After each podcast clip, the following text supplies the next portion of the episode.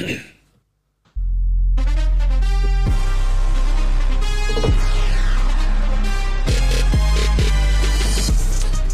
sé það á matanum fyrst þetta og hátt komið í heil, komið í sæl og verið í æminlega velkomin í tíu hjartana.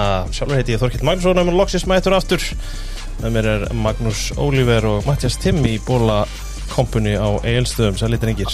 Halló, halló Góða kvöldið Skiptir náttúrulega einhver máli þó ég fykt í hljóðunu af því að byggi lækkar alltaf í steipinni með Matti minn, þannig að hafðu þú ekki á að gera þessu.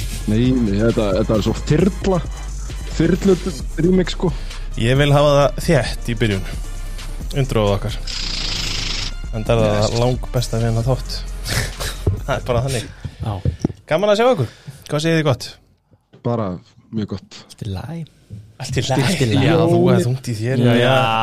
Við erum hérna í Nova Sirius Studio podcast stöðvarinnar. Þakkum þeim fyrir sitt Og að sjálfsög í bóði okkar allra besta. Ég Í Bóla kompuni situr Mattias Timm sem ég veit að er búin að skoða nýja vörulistan hjá Bóla því að það er komið mörgt Það eru konar nærbúsur, það eru konar jólapeysur. Þetta er rosalegt Ég var spenntur fyrir þessu föðurlandi sko. Svona old school rauður over Eða svona, þú veist, onesie sko. Það er, ég ætla- get, get ekki sagt að ég sé spenntur fyrir að sjá því í því, samt. Já, það er ekki fyrir þig að sjá. Þetta sé ekki fyrir neitt að sjá Mattias minn. Þó ég sé hrifin af merchinu. Heldur betur skellið ykkur inn á Hvað var ekki, bóli merch bara? Ég, jú, ætli það ekki. Bóli store Bóli, já, Getur það verið? Ætli það ekki? Ég er bara múin að glemma þessu, ég bara er að, er að fletta þessu. Hérna. bóli.store store á Instagram. Nei, það er eitthvað allt annað. Það er eitthvað alltaf Já, heyrðu. Það Ég finn því þetta undan Jæja. Ok. Heyrðu, er- er- bóli bjór Bóli bjór. Og hérna finniði föðurlandið Og uh, ég kemi til frúarinnar að það sé jólagjöfin í ár. Matti minn, tryggjið þér yes. Föðurland. Herru, við erum líka í uh, samstarfi við Kansas, Safran og Pítan. Þakkum þeim kjallaði fyrir sitt. Við erum í samstarfi við Arena. Já. Það er ennþá held ég tilbúð á, á kortum þar. Þeir notið jardar í, í kóðan. Þá fáið þið 20% afslátt af öllu sem þið getið keft Held ég varandi tíma og annað Og svo er samstarfi Já. þetta við lengjuna Lengja, lengja, lökkusprengjan íslenskt Já, takk. Já, takk, skattfrjálst. Mm. Já, þakka þér, kærlega fyrir. Og nú er píla. Það er að sittið á píluna. Heldur betur. Heru, Eins og þið heyrið, þá hef ég ekki neitt sérstaklega mikið tíma til að vera hérna Þannig að við ætlum að keira bara þétt á þetta. Það er mikið af ofbóstlega Svona sjoppulegum liðum í þessari deild Akkurat þessa dagana. Þannig að við byrjum bara á uh, Fymtarsleiknum í sístu viku Raiders 6, 10 og 3 Chargers 21 og skulum ekki gleyma því í vikun og undan skoraði Chargers 0 stig. Það er rek Já, fyrir Raiders. ekki, Raiders. Chargers skoraði 6 Svo mætti þér steil í vörninni. Hvað segirðu? Svo mætti þér steil í vörninni. Mm. Kongnum sjálfum. Og loksins. Loksins erum við laus við hann. Og þetta hrun sem þetta lið er Þetta var bara eiginlega átakalegt að horfa á sko. Og það var orðið bara Það búið að vera erfitt að horfa upp á hann í viðtölum undanfarið En þeir hefðu betur bara slefti að taka viðtalið en eftir leik og bara segja Herru, þú mátt bara fara. Þetta var alveg hræðilegt sko. Lið á að fá þrjá- eh, 63 stig á móti Raiders á sig allavega. Ég gæt skilið 70 á móti Dolphin sko. Einmitt. En 62 á móti Raiders er erfitt. Það er mjög erfitt. Þú, veist, þú getur ekki svona falið á baka það að vera að starta Easton Stick sko, því að hann færi ekki að spila marg vörnarsnapp sko. Nei. Það verður eitt svona sem maður er búin að hugsa með þetta lið að nú fara þær inn í næsta off-season sem dæmi með Khalil Mack sem er á færtusaldri og Kínan Allan á færtusaldri og þeir eru að taka 72 miljónir af kappspesunu Já, já. Og Joey Bosa er náttúrulega þarna líka Já, feskur umferð. IR og hérna, ég, ég fór svona að hugsa mér langar bara að fá svona eina pælingu frá okkur. Eða kemur eitthvað general manager inn sem er bara svona með bara alveg pung þeir eru með pikk ofalega í ár. Gæti hann bara shipað öllu draslinu? Og þá er ég að tala um Herbert með bara. Og það þeir þurfa að fara að borga honum. Það er þeir náttúrulega byrjar að borga honum Sko það er náttúrulega ein, eitt sem hefur kannski bara farið svolítið framhjá mér að mista kosti það að það Kalín Makk er bara sakkæsti leikmann í Já, dildinni sem er náttúrulega alveg, eða snegið segja það er bara, ég, man, þú veist að þessi vörn sökkar svakalega já, sko. já, já, já, það að hann sé með 15 saks eða eitthvað svoleiðis er alveg merkilegt þannig að ég er eiginlega ídundi það sem múlið að segja að það er tækifæri til þess að hreyfa leikmenn sem er að standa sér vel þó þessi á færtusaldri Mhm. uh, það er alveg tækifæri til að senda Makk eitthvað en ég held að þetta eigi við um allt nema Herbert. Ég held að það er ekki fræðilegu möguleiki að, að þeir séu það heimskir að losa sér við Herbert. Nei, nei, bara svona Þeir- pæling út í loftið. Ég held að þetta verði svona eitt helviti súrt ár með ógeðslega mikið dead, dead space. Mhm. Þú veist, ég held að vilja enginn taka þessa samninga á sig. Veist, þó þú reynir að shipa því þá ertu þú veist, að borga fyrir það eins og lið hafa verið að gera. Þú veist, gef, gefa herra pikk í runni til að fá annað lið til að taka hennar samninga á sig. Ég held að það gerist ekki, þetta verði bara svona rosalega súrt. Róslega sorglegt að það þurfa að horfa bara á næsta ár með Herbert bara og Basically bara ekkert. nema, nema Herbert og Belichick bara taki eitt ár bara með einhver bulli. Belichick er Annars- 71 Oj, bara árs, sko. sko. ég var svo innilega hann, hann sammála er náttúrulega lík, líklegastur í veðböngum sko, Ég veit að ég sá bara, ég hlustaði á Bill Simmons um daginn mitt segja bara, búst, pappi minn er 74 ára og ég þarf að koma heim til hans til að sæna hann á Netflix. Skilur við, þú veist, hann er gamalmenni þú veist, að það er náttúrulega sko, svo á við að fara að ráða hann núna hugsa ég skrifið niður að því fyrir hann. Já, já. hættu bara, frekar, Guð minn almáttugur, ekki fara í eitthvað svona dæma því að þú veist Mike Williams fyrirugla, Austin Egler fyrirugla, Bosa gæti farið þú veist, það er hellingur af leikmunum sem gæti labbaðan út fyrir utan að hvað þetta er glata náttúrulega með Quinton Johnston. Og það ævintýri allt saman hann að þetta er þetta er heldur slæmt hinnum einn samt ég menna það er alveg, það er gaman að sjá liðið sem eru með góðan backup. Og Eitan og Connell er bara ágætis backup í þessari deild já, já, hann er bara óskup fín Já, já. Og þetta er samt svona leiktíð backupana, nema það er bara ekki gott. það er rosalega margir, við erum komin upp í 50 og hvað þrjá kortibaks eða eitthvað og um, það er svo tíu góðir. Það er heldur er Herriði, förum í helgina, Bengals 27, Vikings 24, uh, Vallamark í overtime, drengir. Já Ég hef eiginlega bara eitt um henni leik að segja og það er bara Nick Mullins er aumingi. Í alveg henni talað þegar hann tekur tvö sník á þriðju og einn og fjórðu og einn í overtime og hann næri ekki, ekki hálfum hjarti í þessum tveimur skiptum sko. Nei, og líka gæinn sem er ítir honum er líka léttasti maðurinn í Já. báðum samtal sko. Meina, hvernig, ég, ég, ég skil ekki hvernig lið bara herm ekki eftir íguls, að hverju nýtti þetta ykkur ekki? Ég, ég bara næjus ekki. Það veist, og hann sko á, það fór sér svo í törnur á mér hvernig hann gerði þetta, að það var bara átakalegt að horfa á þetta. Það var alveg einu sem ég tók úr þessu leika eftir allt saman því að þetta var alveg inn á milli mjög skemmtlegu leikur sko. Já, þetta er fínastu leikur. Það, það sem að trublaði meðla mest svona þegar ég horfði á hann Akkur Ty Chandler var ekki löngu orðin starta sko. hann er miklu betri en Mattisson til að treyta, til sín Cam Akers til að vera með honum þegar Ty Chandler stóð bara þarna mýmið þarna með gamefarana always was.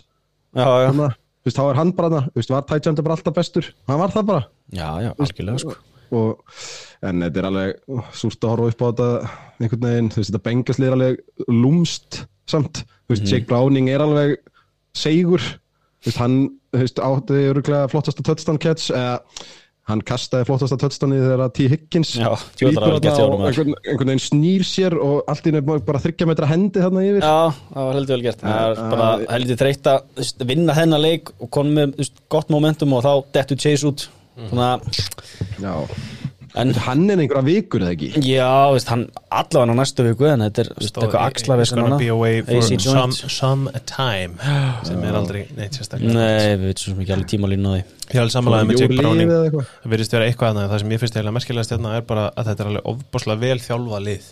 Mhm. mm Þetta er fáum liðum sem að er að viðhalda því að vera með backupin sinn inn á.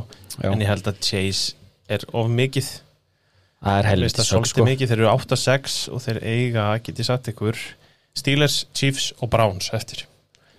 Tveir Það er ekkert sérstaklega þægilegt. Veist, Það er ekki, sko. Eagles eiga mjög þægilegt prógram eftir. Þetta er ekki Já, það er spes. rosalega auðvöld fyrir okkur þess að dagana Mm. Gaman að geta satt þetta, það er svona allt í hennu Já, það voru gaman. Mhm. Herriði, Colt Steelers 30-13, hérna ætla ég að setja formúlubílinn, ég bara nenni ekki að finna hann hér það var ekki hér. Það er nú samt sko, við erum búin að ræða þetta stílarslið undarfarið og þetta er heldur áfram að toppa sig bara rugglið innan klúpsins Já, Já, hvernig ég bara, ég aldrei þórað að bara að sko fara í þá átt að sjá bara hvernig stíleslið er og hvernig það er að þróast með Tomlin hann, hann að stjórna. Þetta er rosalegt að horfa á þetta. Já, þeir eru að skora færri stig í leik heldur en þau gerðu með Matt Canada sko. Þú veist, George Pickens bara hættur að nenna þessu. Blokki sem hann átti er alltaf bara brottreksla sög sko.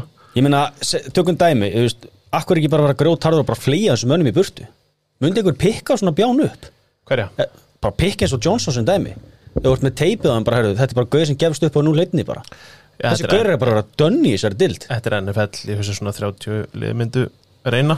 Já, þetta er bara Pickens eh, hann hefur ekki æði en djúvel er hann ógeðslega heimskur maður Já, þetta er mjög lé, þetta er bara svo lýrætt hann talaði, hann var á bræðmann að finna bara rétt á hann að hérna segja hann að vera, vildi ekki lendi í sam og Tank Dell lendi í einhverjum meðslum en þú veist, til hvers ertu það þarna?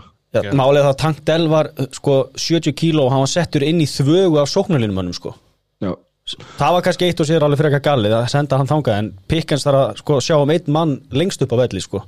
já, Það ekki Brendon Ayuk til fyrirmyndar Algjörlega En KC hann, æ fyrir ekki að það. bara að segja, takk ég eftir því, þetta er þriði leikunum sem fyrir mig það eru fimm bakku bara að spila þessu leiki sko. Þetta er alltaf bara ógeðslegt. Þetta, er, þetta er hrottalegt ástand. Við hérna erum við að tala um Gardner Minshew Mitch Trubisky sýninguna og svo kemur Mason Rudolph inn á, í og þessum hann leik. starta næsta leik. Þetta er náttúrulega hrottalegt að horfa á þetta þess að deilda á einhvern veginn hvernig hrunið í þessari stöðu er að þetta er ótrúlegt ástand. Þetta er ótrúlegt ástand já, svo erum við líka sko að lenda í því að við erum að svona swappa endalist á milli, við tölum um það eftir en Falcons eru búin að veist, starta hérna Ritter, bensan, starta um aftur og eru aftur búin að bensan og núna erum við með veist, þriðja kortabekkin á Steelers og þetta er allt svona geðveikt eitthvað súrt á meðan að Joe Flacco er bara að lifa í hann good life sko, þú veist, þetta, þetta er einmitt sko, þetta er munurinn á því þegar þú missir hann í meðsli og þegar að gaurin ekki nógu góður. Veist, hérna ertu komið með fullt af liðum sem er að missa menn í meðsli og svo er Falkons það sem þeim fannst bara rittir ekki nógu góður fara í hæningi og fatta, herru shit, hann er ekkit betri hann er verið að fara aftur í rittir, hann er nú er hann shit, hann er ekki nógu góður, hann er verið að fara aftur. Veist, þetta er Já,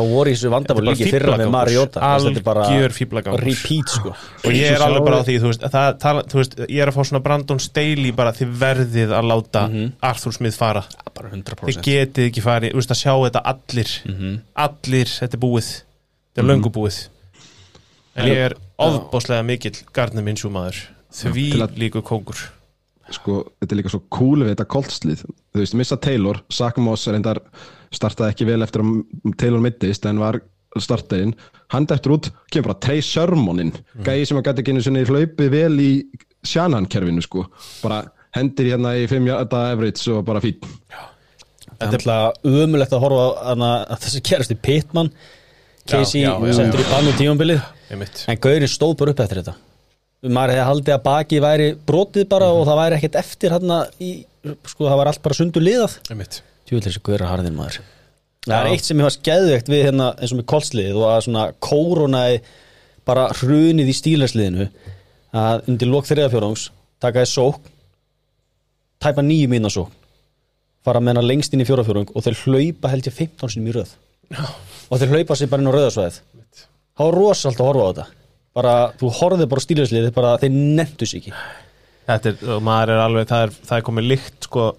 E, hvað vorum við að tala um þegar það var unnið hvað fjóra playoffsleiki eða eitthvað? Síðust síðan bara einhver, ég veit ekki hvað mörg ár stílis, ég man ekki hvað startið var en hún er Tomlin hefur unnið fjóru sinnum playoffs leik á einhverju ári Já. bara fjóru sinnum. Þetta er gali sko.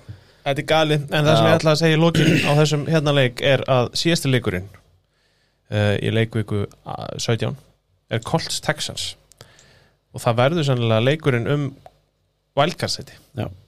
Vegna þess að Bara um Colts eru riðilinn, eða? 8-6 í öðru seti ja, í riðlinum og Texans eru 8-6 í þriða seti Þetta söðurreilin verður svakalögur á lokadegi sko. þetta er eiginlega, þetta er uh, með við allt og allt þá var þetta ótrúlegt ástand í þessum riðli yep. að því að hinn, það er nú ekki er ekki verið að ríða húsum í hinnum riðlunum get ég sagt ykkur, en þarna verður alveg 100% ég ætla ekki að segja 100% ég er mjög líklega vælkarlið sem er ótrúlegt. Svona, eftir og higgja og loksins er söðurrið að gefa. Já, það er, það er að gefa. Já. herru, Lions 42, Broncos kift niður á jör, jörðina 17 uh, getið sagt mér aðeins hvað gerist þarna, því að það er eitt sem ég veit og aftur alltaf ég að vitna í Simmons sem að tippaði allt í hennu á að af hverju ættu Lions ekki að vinna þennan leik og heimaðalli eitthvað la la la. Mm. Þetta, þú veist, ég var eitthvað svona hlusta á því ég var bara af því að þeir get ekki neitt og svo koma þeir inn í svona og steikja eitt heitasta lið deildarinnar innan gæsalappa. Gjössalega, 42-17 Matti? Já, sko, Goff verðist bara að geta eitthvað heimavelli sem er fínt fyrir hann því að hann spilar allavega fyrsta playoff-leikin á heimavelli því að mér syns nú að þeir að taka hennar norðurriðil. Mér finnst hann, þú veist Goff heilt yfir ef við tökum hann er búin að eiga fleiri góða leiki en slæma átti þarna rosa slæmt rönn og núna kemur hann bara endur í 5 touchdown rookie hérna sensation hjá þeim bara Jamir uh, Gibbs með 100 hjarta í 11 hlaupum. Og svo bara saman, hérna, samla porta þrjú touchdown. Amon Ra loksins lit sjá sig aftur eftir að það er svona freka svoandi upp á síkastið þannig að þetta fór alltaf smetla aftur það sem að gekk vel til að koma þeim svona langt. Og veist, við eigum ekkert að vera það hissa að Wilson tók smá niðursveiflu. Það gat, þetta gat ekki verið svona þetta er búin að vera eitthvað svona þú veist, kannski riding a little high. Þannig að hann nátti alltaf inn í einn slappan, slappan leik áður en að playoff byrjar og ég held að hann hafi bara komið þarna. Þetta- líka. Sjá, Sjón Peiton gjössanlega hella sér yfir hann á hliðalínunni en ég ætla bara svona að grípa þetta með samla porta. Já, það er talandi um stykki. Með hann er 191, 111 kíló. Hann er með 71 gripin bolta fyrir 758 jördum og 9 touchdown. Algjör vel sko. Það er alltaf talað um það að tæta enda geta ekkert á fyrsta tímubili þessi gæi svín. Og er líka bara ógeðslega góður í hann er sko. geggjaður, hann er 22 ára. Já, hann kemur náttúrulega beint úr Iowa sko, þú veist, það er Já. tight end you, það er bara, bara, sta- það er bara staðarind Mér finnst það bara allt í lægi að nefna hann inn í offensive rookie of the year umræðuna líka. Þetta er alvöru geit sko. Nei, ég sá hérna í Detroit að síðast þegar þeir náðu ja, þeirra besta síðasta sísón var fyrir 60 árum þá var þeir 11 og 3 og morðtíðinin í Detroit hefur aldrei verið lærri síðan þá. Þannig að það er helskreil í hendur að liðinu gangi vel. Ha, Þetta er þetta er alveg ótrúlegt hvað hérna Detroit lið hefur mikið að segja um borgina. Hmm. e, e, nú veit ég að Valur er okkar uh, talsmaður norðusins, en er þetta ekki fyrsta sinn sem Lions er að vinna hann að riðil, eða vinna hann? Í sögunni, Já, sennilega. Það er bara örgulega ekki Allan fyrir 60 árum voru þeir 11 og 3 þetta, þeir hafa, eins og sagði líka skemmtilega staðrindir með Goff að sko af öllum stjórnendum síðan 2017 er Goff með flestu kastjarta, kastaða hjarta flest- flestu fyrstu tilhörunir kastaðar fyrst, langefstur í 20 hjarta sendingum hefnuðum og sjötti í kostuðum snertmörgum þetta er bara Goff síðan 2017 kallinn. Já, The Lions hafa uh, aldrei unni NFC North þeir unnu hins vegar uh, þegar þetta hétt NFC Central árið 1993 já, ok. þá unnu þeir riðilinn síðast. Þannig að en þeir eru, þeir eru góðir inn í hlífunni eins og eitt annað lið. Þetta er svolítið svona eins og það þú hefur ekki unni ennsku orðasteldina en þú vannst hana bara áður Já. skiptum nafn skilur jú, jú, jú, jú. þetta er svona sama, sama apparat. Góðir hérna. Já, talandi um, ég ætla bara að fá New Orleans Saints 24, New York Giants 6 ég myndi helst vilja bara gleyma þessum leik. Já, þetta er svolítið leiðinlegt, þú veist, ef að hérna, Giants er ekki að vinna leiki með Cutlets, þá er þetta rosalega súrt, þú veist, ef það er ekki stemning, þá finnst mér allir Giants leiki leiðilegir, sko. veit ég hvað er súrt? Það er að pakkast töpu á móti þessu gjaldtróti í síðustu viku. Það er bara áfyllistómur sko. Það er það pínu sko. Það er bara ekkert annað en það bara langt frá því að vera bóðlegt alveg að sammála því. Alveg svolítið. Herru, Cleveland Browns 20 Chicago Bears 17 þú helst ég að ætlaði ekki að gera þetta en ég gerði það. Uh, Joe Flacco sýningin, drengir. Ha, litla heil meir í klúðrið. Ég bara trú þetta er ekki. grátlegt. Mooney er alveg hann er svo lélugu greið sko hafandi haldið með hérna, Hail Mary, sennilega einum besta Hail Mary spilara allavega tíma Mhm. sem var Aaron Rodgers þá var, því ég horfði á þetta ég var bara, já, já, já, svo fekk maður bara svona nei, þetta var er alveg svakalegt að ná þessu ekki sko. Múni, eða þetta skildi enda á Múni er eitthvað eins og líka bara svo ömurlegt Ég munið líka að Mooney var spennandi.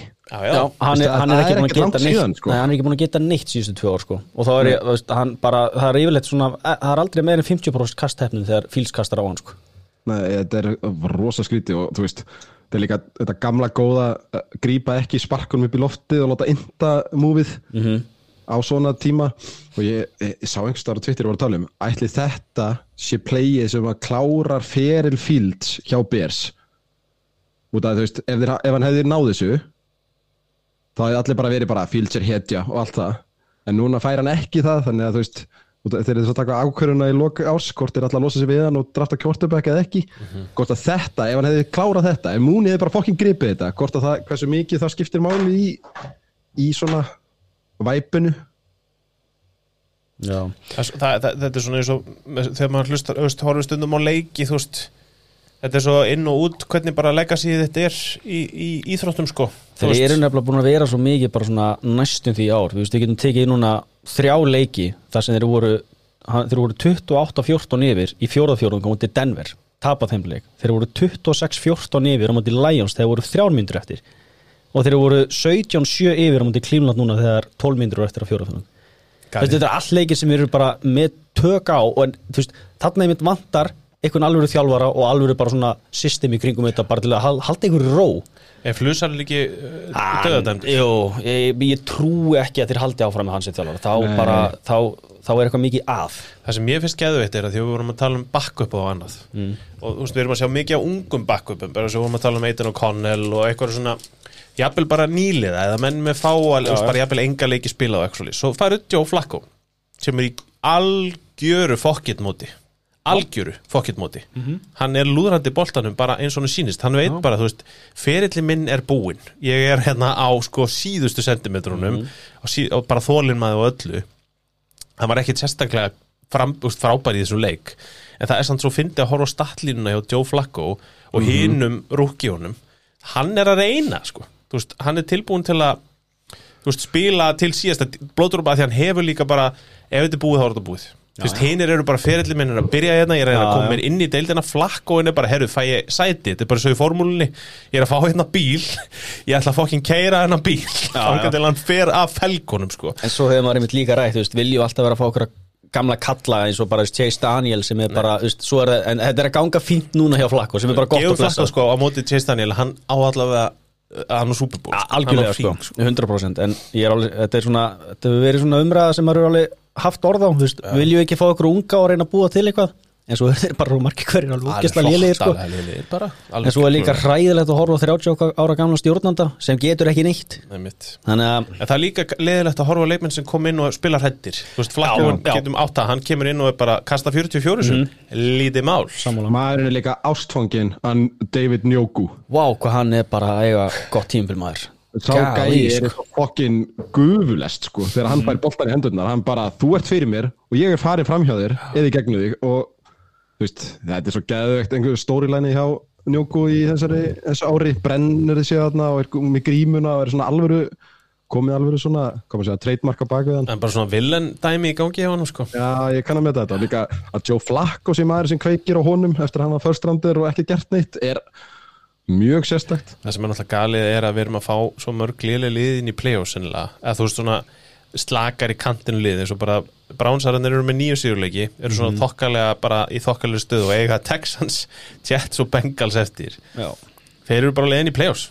Það er bara svolítið, með flakk og vélina bara á bakvið stýrið. Já, þetta er rosalegt, en það er líka ógeðslega að fyndi að horfa á bara þessu þetta lið, takið bara lið sem að bara, svo Jets til dæmis, sem með decent vörn hvernig, þú veist, hver er munurinn er flakk, þú veist, hver er veit ég, backup hvort er backandi, skilur það er líka bara sóknar skýmið Hackett er á stjórnum fyndi samt að þetta sé svona mikill munur. Browns bara með nýju sigurleiki bara rúllandi þægilega inn í play-offs mögulega.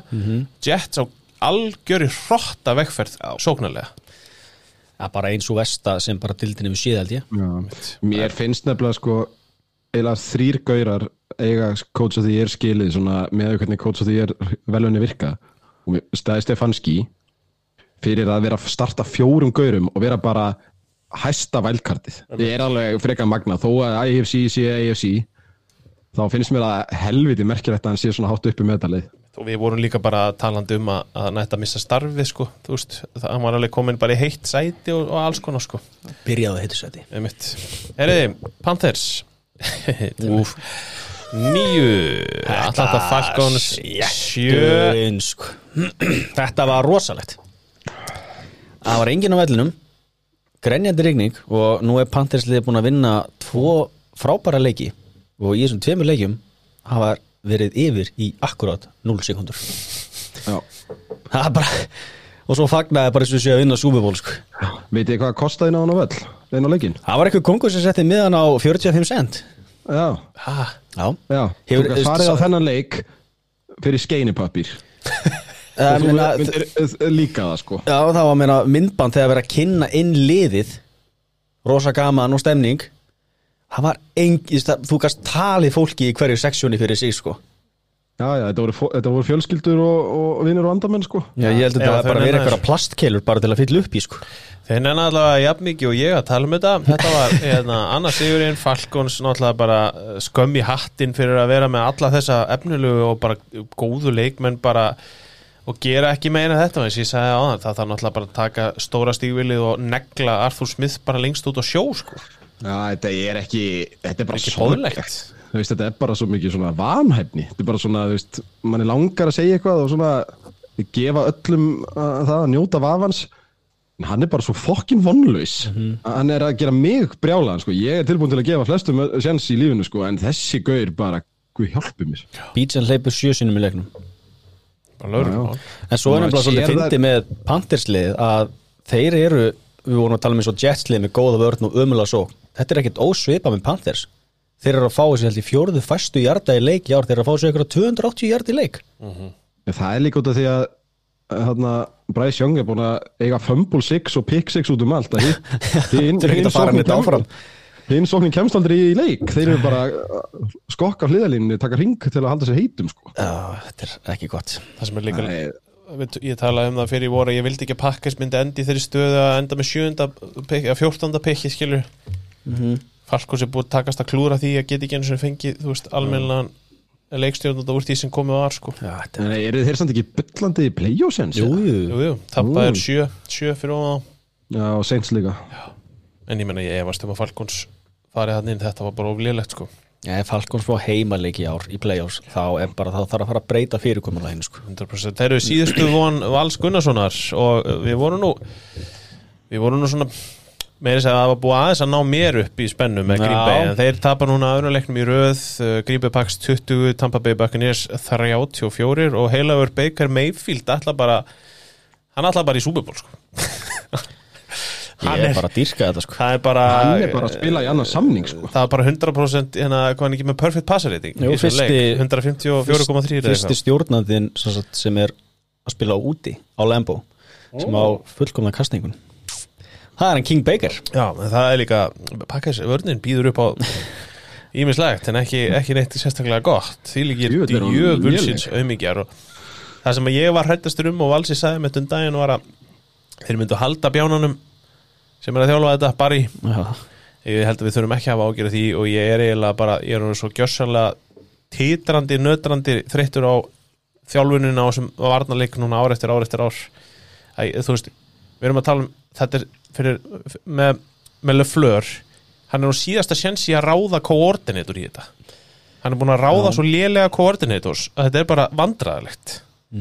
Þetta bara gengur, bara við vorum með svo ógeðslega vel mannaða varnir síðustu árin og þeir spila svo ógeðslega illa. Þetta á ekki að vera hægt. Tell me about it. Við fyrir með þitt vandamál setna það er, Þetta er óþólandi að vera, með mannskap og svo er þetta er bara sann þriði ári í röð. Því voru að sko, Eagles var að skipta um varnatimi það hefði verið fínt að gera það í fyrra hjá Packers, ef þeir ætluðu sér eitthvað á Algjörlega. þessu tímubili en ég er alveg sammála valsa og því, úst, ég veit ekki hva, hvort, hvort að Jordan Love getur ekkert tímann orðið top 10, top 5, top 10 leikstjóndi, ég hef ekki hugmyndu það en hann er allavega mikið, mikið betur enn ég átti vona og maður sér Já. það bara á honum að þetta er bara, hann er bara mjög frambærilegur quarterback í þessari deild sérstaklega í svona liði. Mhm. bara virkilega, spilar bara virkilega vel sko. Já. en uh, Tampa megin, eitthvað sem ég vilja koma með? White, uh, Healthy Scratch hann er brjálaður víst.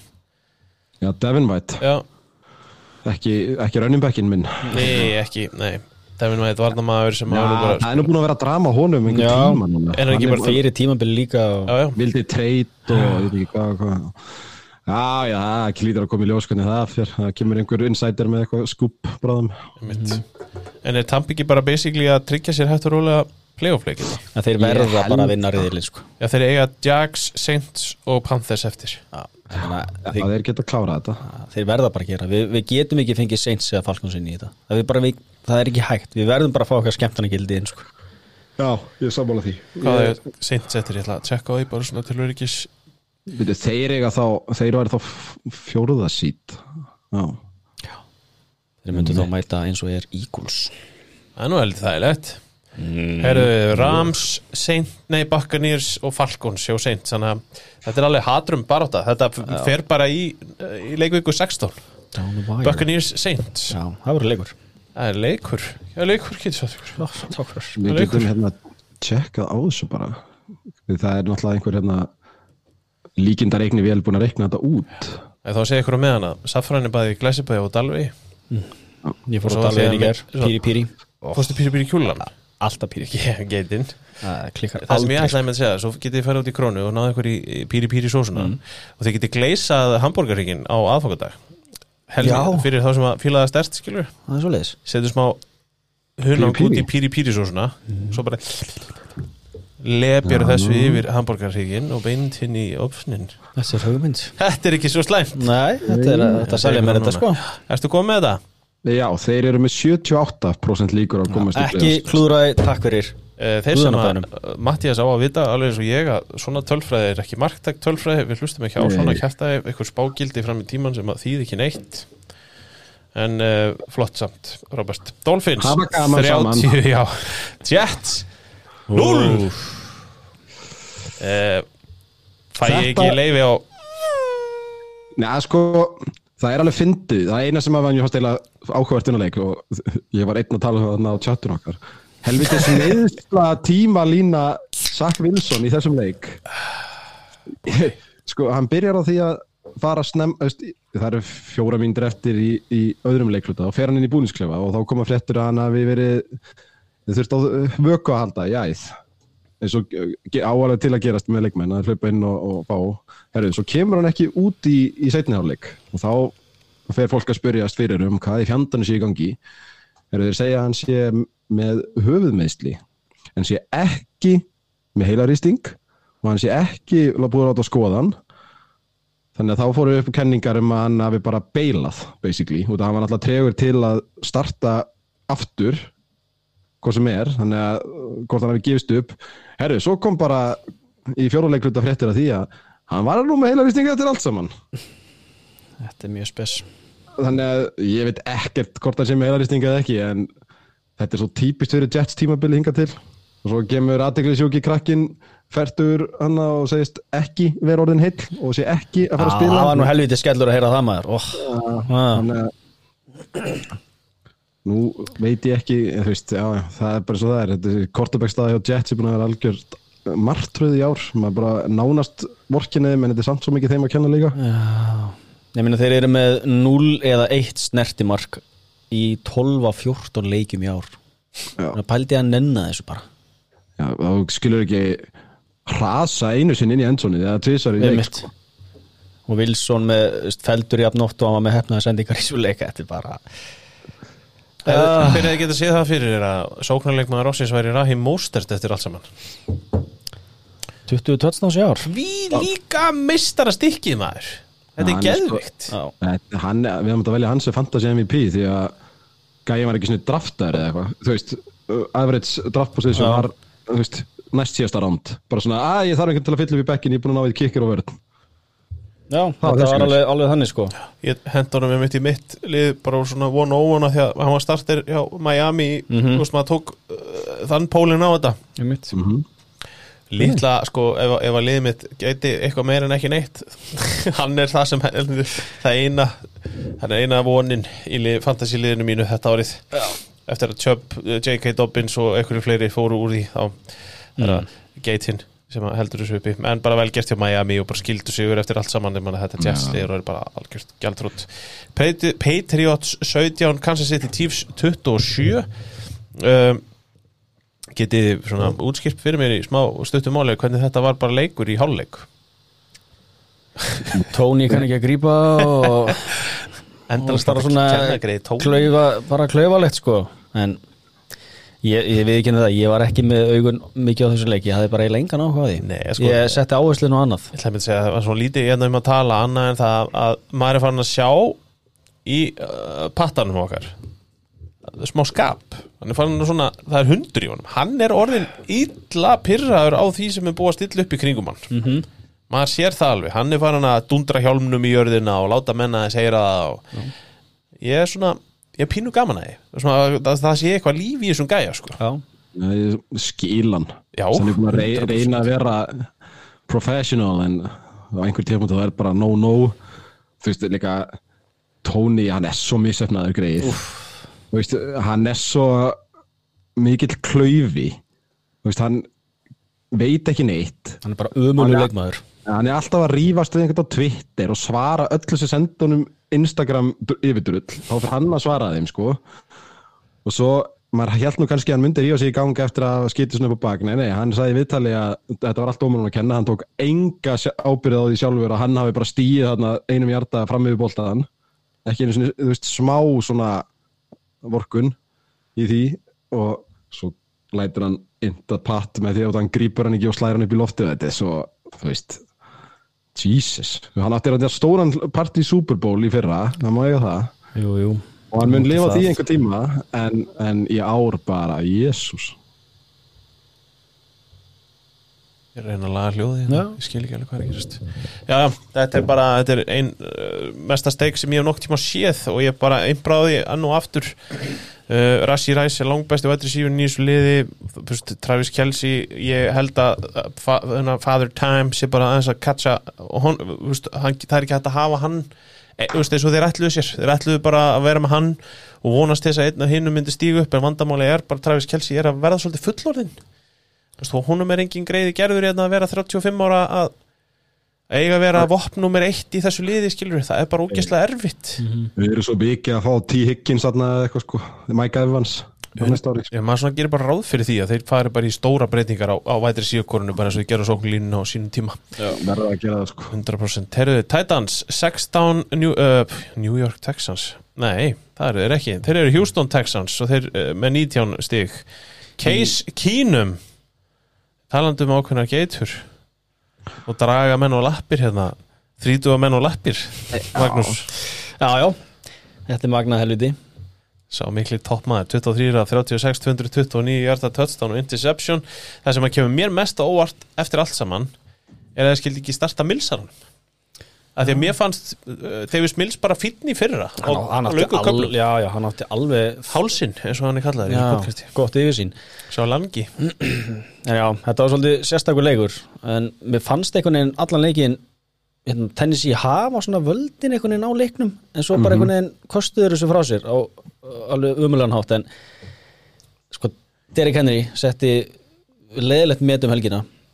Hann fyrsti leikmaðurinn í sögunni til þess að snerta boltan 20 sinum og ná ekki 15 samanlegum jörðum. Eða ná 15 jörðum. Það er í ekki 20 spes. snertingum. En það sagði hann bara eftir leik að ég held að ég verð ekki hérna á næstu ári. Nei, hann sagði hann það. Já, svona einbraði því.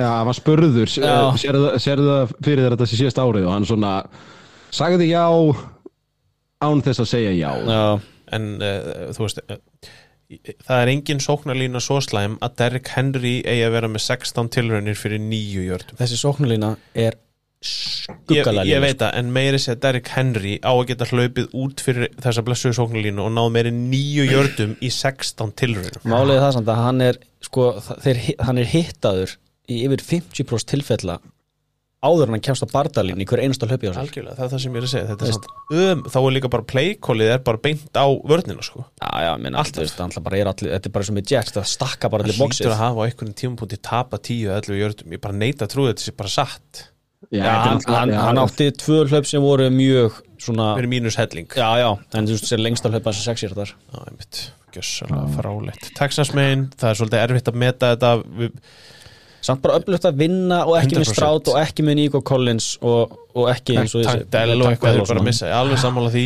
og, en það er þú veist, ekki öruglega strátt Já, veist, hann er playoffs. hann, hann bara með viku. heilaristing sko, meðaltalið er að missa einu leik með heilaristing, þannig að hann ætti að koma næst. En þú, þú varst að tala um Mills, þeir töluðu um að þeir störtuðu kínum út af reynslu. Já, hérna. Veist, í, í starri leikjum sem að meikar alveg svona essence og, og ég stökk beint á ónefnda hérna, vefsíðu sem er með svona player props. Og ég náði eða Mills over under á interception og sett á under því ég vissi að hann var ekki að fara að starta. Og þar greiði ég uh, mm, pening.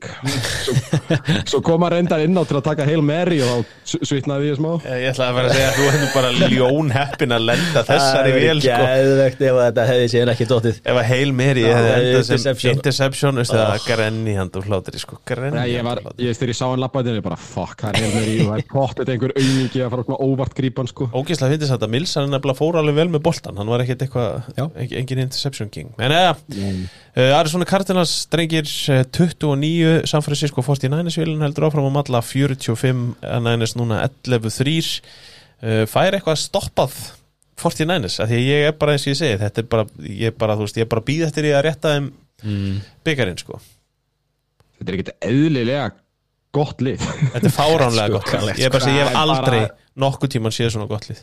Nei, ég held að þetta er besta sók sem séð bara síðan við byrjum að taka upp og, og alla tölfræði tölur og gröf og DVOA og allt segir það bara að þetta sé þú veist, DVOA, það var þetta þriðja besta lið allra tíma sko. Þú veist, DVOA, DVOA lega séð og þú veist, bara einhvern veginn þeir eru ekki með neitt veikleika nema hlaupavörnin og það sást í þessum leik uh, missa þarna út uh, Hargreif og Armstedt fyrir leik þeir voru dæmdir át þannig að þetta var sko backup takkulanir hann og, svo datt eittar út í miðjum leik líka þannig að þetta var alveg svona, þú veist, sást einhver veikleiki á þessu liði en sóknin er bara eiginlega fullkomin sko, þú veist, þeir eru með system sem er að virka, þeir eru að framkvæma þetta system bara eins fullkomlega þú getur, ég, get, ég skil ekki þá sem þú getur horta á þetta og sagt þetta er leiðilegt því að þetta er bara sóknarleikur nánast to perfection því að við erum að sjá kikkarinn hefur ekki reynt field goal síðan 23. november þeir eru búin að skora 119 stig síðan.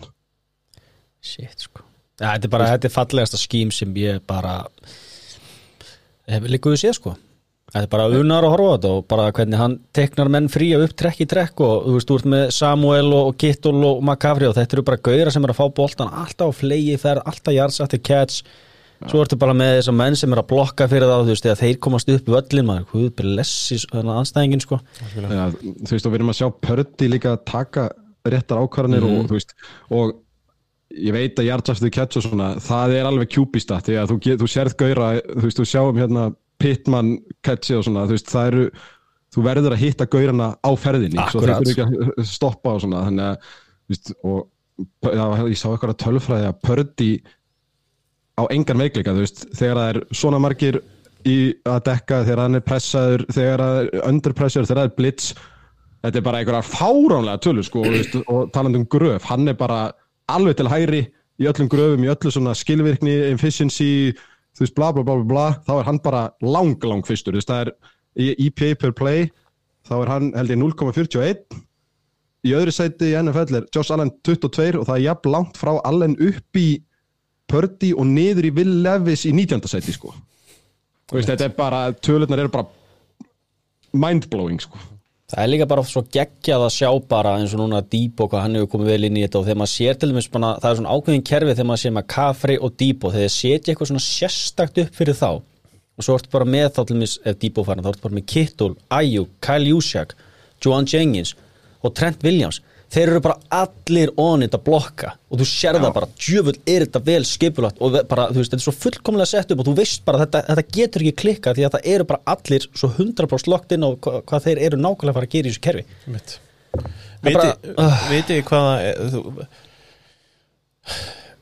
Mér finnst svo skrítið ef að, ef að Pördi endar með MVP að því að mér finnst, hann áða alveg skilið. Hann er búin að spila mjög vel. En það er svo mikið af góðum leikmennum í þessu liði að það er svo erfitt að velja MVP vitið þið hvað ég á við? Ef það er ekki McCaffrey sem er náttúrulega bara þú veist, hann er svo lang, lang, lang besti raunibakkin í þessari deilda, það er náttúrulega ekki einu svona sniðugt sko. en ég En ég er bara að tala um, þú veist, bara, eins og þú ert að tala um bara Debo, Ayuk, Kittul uh, McCaffrey og svo Purdy. Þetta er svakalegt þú veist, þetta er bara það gott að það er bara proper erfitt að segja bara, herru, Purdy er MVP að því ég held að án Kristján McCaffrey væri þetta lið ekki vandræðum kannski, en það væri alltaf þessi bragur yfir öllu saman Já, Já. en það sagði Pörti líka eftir leika og hún er fyrst McCaffrey vera MVP Svo því stilti er upp hana hann, hann, er, hann er hérna Hann hefur rétt fyrir way. hum, Humble motherfucker. En þetta er náttúrulega bara eins og Hann er bara playing the game nákvæmlega eins og það ná að gera það sko. Já, En mér finnst þessi MVP umræður svo fokkleðilega sko. Svo það er mjög drullu að saman hverju tekur þetta núna einhvern veginn. Bara Fortin Hennis eru svo langt bestir bara og þú veist, hvort sem þessi Pördi að McCaffrey minna, Er það kannski eitthvað veljunin? Pördi fær MVP-ið og McCaffrey fær Taka offensive player en það sem ég finnst sangjant væri að það væri öfugt sko. Já, já.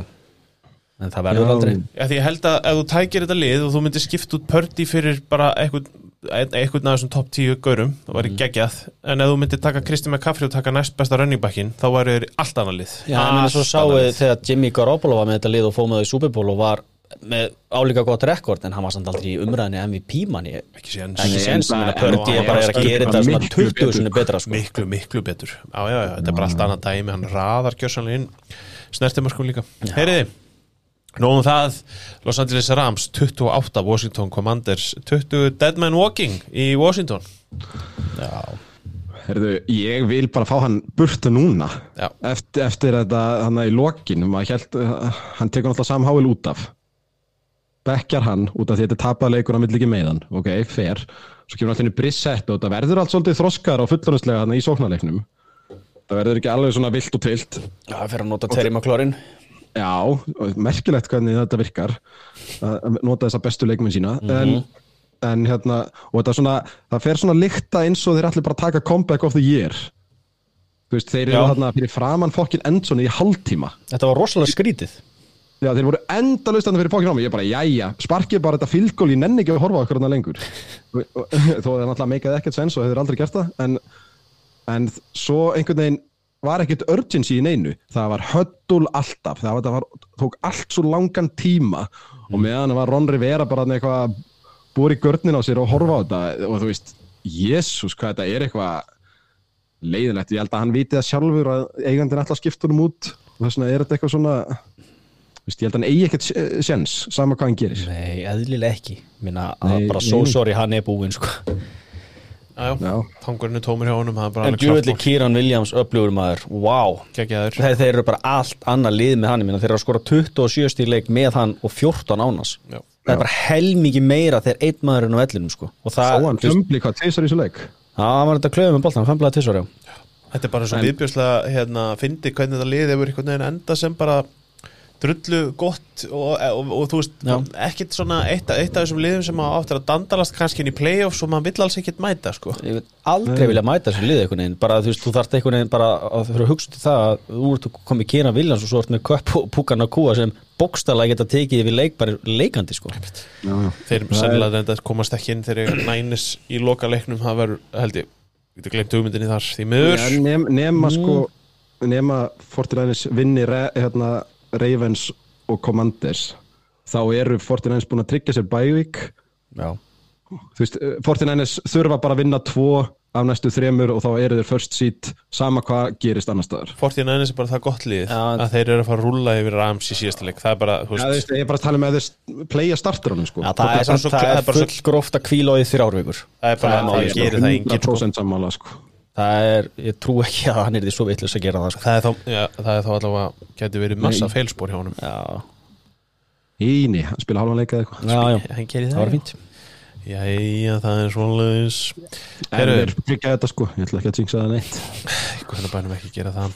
Bills 31 einn er svona að rísa leikur hérna.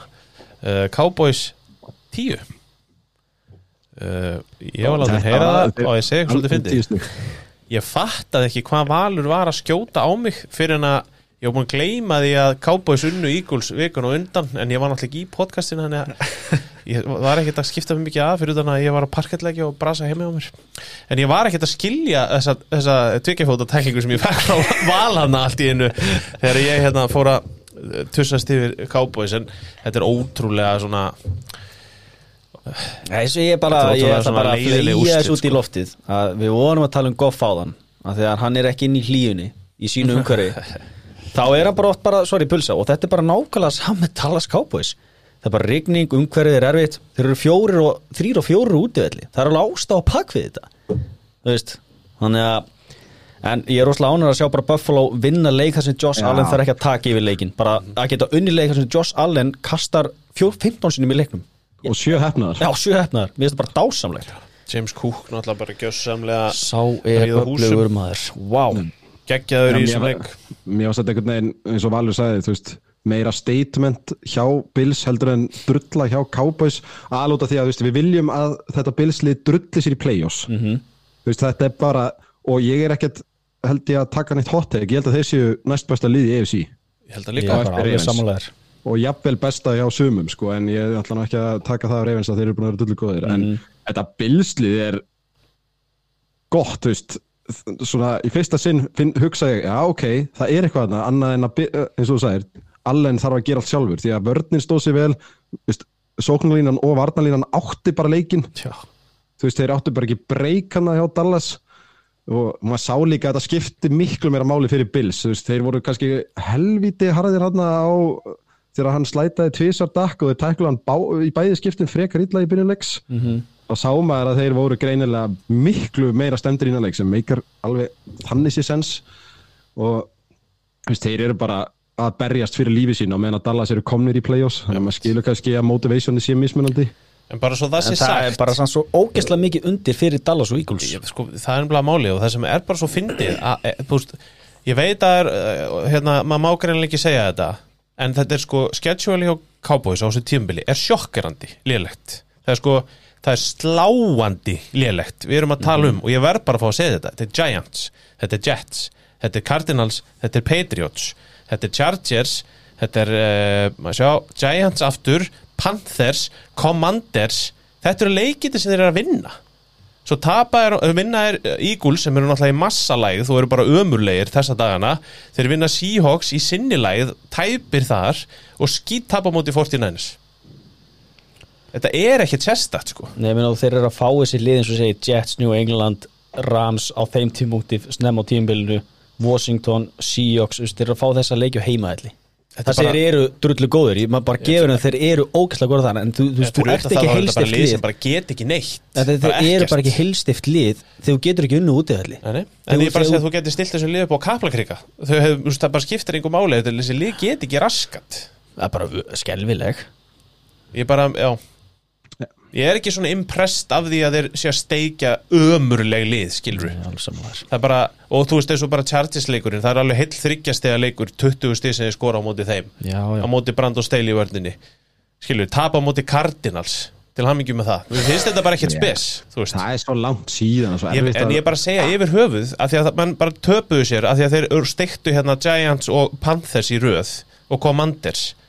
Þú þetta er ekkert þeir- merkilegt sko Nei, nei, nei, en þú veist, þeir hafa samt unnið alveg fínustu lið líka, unnu Rams, þú veist, unnu Eagles þarna um daginn og alveg slátruðu þeim. já, já, töpuðu líka sí- Eagles Já, já, en þú veist, við erum að tala um what have you done for me lately, þú veist, við erum ekki að peppa hérna, þú veist, og við Vikings í fyrra, þeir voru be- besta liðið rekordið þeirra heil lengi, við sem allir að þetta væri fake, sko, en þarna, þú veist, þeir spiluðu miklu betur og mér er svona, þú veist, þetta er náttúrulega klálega ekki besta liðið, en mér finnst þetta ekkert klálega, þú veist, þetta er alveg topp 6, 7, 8 lið í NFL.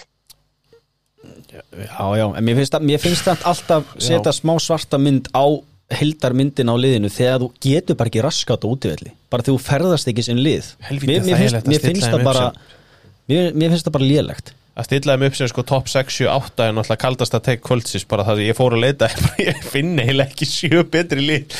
Og það er bara því að þau eru svo léleg sko en, en já, já, ég bara, ég fannst þið bara að vera að koma inn á þetta þú veist, þetta er alveg það hefði alveg verið hægt að sjá þetta fyrir og Bills í sko algjörun nöðvörn á að komast inn í playoffs. Já, já, já, þú veist, ég setti alltaf á Bills fyrir hennan leik og ég bjóst alveg við þeir myndi vinna, er kannski ekki alveg svona brútal en, en ég meina í NFL þá getur alveg tapa stórt og verið fínasta lið samt, ja, ég veit ekki, þetta er svona já, já, það er lengið að segja að Dallas sé eitthvað umulegt lið. Það er lélegt, bara langt í frá en mér finnst bara svo lélegt að er komi svona frammistu útivöllin sko, veist, þeir eru, á, þeir eru alveg á góðum sens á að fá ekki heimaleik í fyrsta leik í, í play-offs, veist, það fyrir allt eftir hvað minnur okkar í Eagles gera en jú, jú.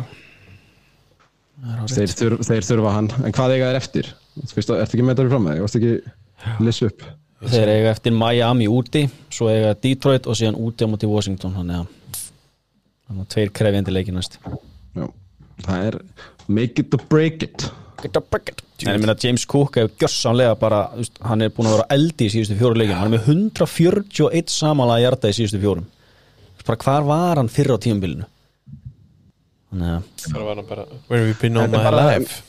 OC9, Joe Brady loksins hérna hann er hrifin að því að kasta á, á og nota rönninbakkana sem er flott. Já, bara sjá, veist, bara sjá bara hvernig hann, bara hólunar sem hann mynduðist hann að fyrir hann já, já. Í það er stemning í þessu bilslið maður. Já, bara frábærir. Ég Ég er verð bara- mjög svektur eða þeir komast ekki í play sko. Já, það er svo sem sjálfskapa vítið því miður en það er eins og þess. Já, já, já. Heyrðu, förum í talandum uh, sjálfskapað víti og liðleg lið. Jacksonville Jaguars 7, Baltimore Ravens 23 uh, Á hvaða vekkferður Jaguars í sko, þessa dagana?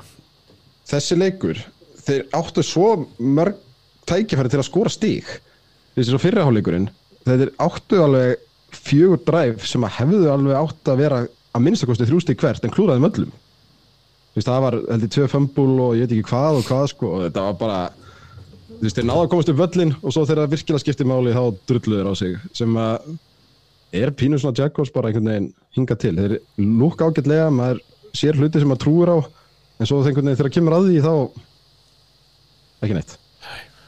Hvað segirðu, Maggi? Já, ég meina bara umlegt og það, þú veist, þetta er búið að vera svona eftir að Peterson tók við að þeir geta ekkert á heimaðalli Það er aftur. Já, ég meina þeir, þú veist, þeir, bara, þeir eru þrýr og fimm á heimaðalli ár og þeir hafa verið virkilega slakir í þessum leikjum á heimaðalli Líka bara verið í einhvern veginn sárum eftir að Kristján Körk dættur út hjá þeim. Já, en djöfull var svekkjandi að sjá Keaton Mitchell hérna stút á sér hnjönum aður Eitthvað nú verið sagt að þetta er gæst á Metlife Stadium það örugglega þurft að bara leggja völlin bara nýður sko.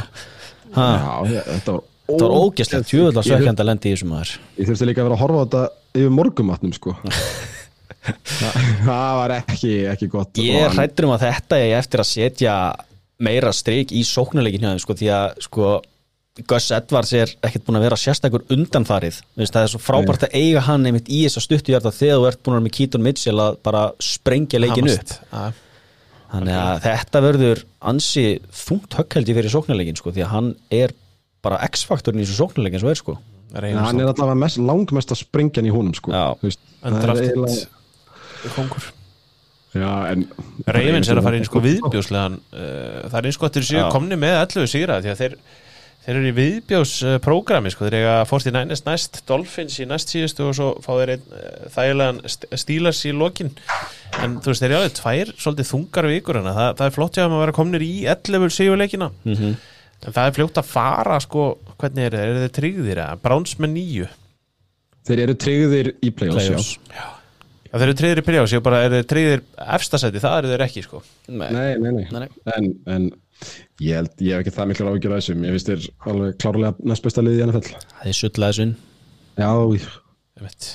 og þeir hafa alveg efnaði að tapa á móti Niners held ég og þá út af því að þá ef þeir tapa móti Niners og vinna síðan í, nei, Miami í næsta leik. Ég held að þau sé að berja svona mest um þetta first seat en bara sko litla hátíðar veistlan að fá Baltimore, San Francisco og svo Miami, Baltimore. Bara þess að tvoleiki rauði og Ravens. Gekkja. Guð minn, almáttur sko. Kækja, ég er einmitt að reyna að komast á títnefndan Baltimore Ravens Miami Dolphins velgjast í Baltimore yfir áramótin. Sjá I like. það gengur. Herru, síðasta leikurinn sem ætlum að rúla við hérna er held ég þessi takki Nei, þetta er mánudagsleikurinn, sorry Seattle Seahawks er 20 Philadelphia Eagles 17 Maggi minn, hvað gerist þetta? Er þetta búið? ég- Er það liðið?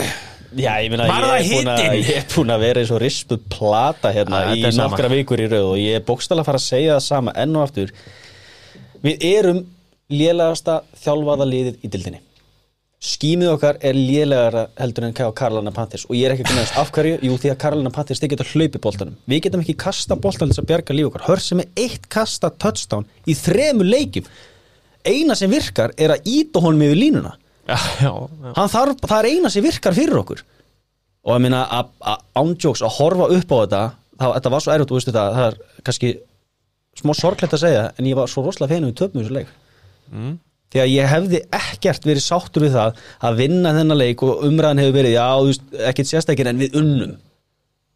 Það er bara ekkert nóg núna þegar þú skilar ekki einni góri framistöðu í einhverjar átta vikur í röð. Nei, og þessi vörn er bara, þú veist, hún er svo sögulega léleg að það er svo erfitt að horfa á þetta. Við erum sko, við erum örgulega að fara að setja eitthvað með í lélugustu þriðu tilraunar vörn í sögu tildarinn, Það- í undanförnum vikum erum við með 68% lefðar þriða tilraunar á okkur Veistu hvað er mest áberandi hversu ömuleg vörnin hjá en bara kunni ekki að tækla og þeir veit ekki hvað Nei. er að gera nú vellinum. Það er það að Drew Lock labbaði þarna inn á völlin Já, nei, ég, ég, las vörnin ykkar í svo opnabók og sagði svo bara frá því í viðtali. Ég Drew meina, það- Lock það er sá bara, herruðu það er einn á einn hann á kantinum.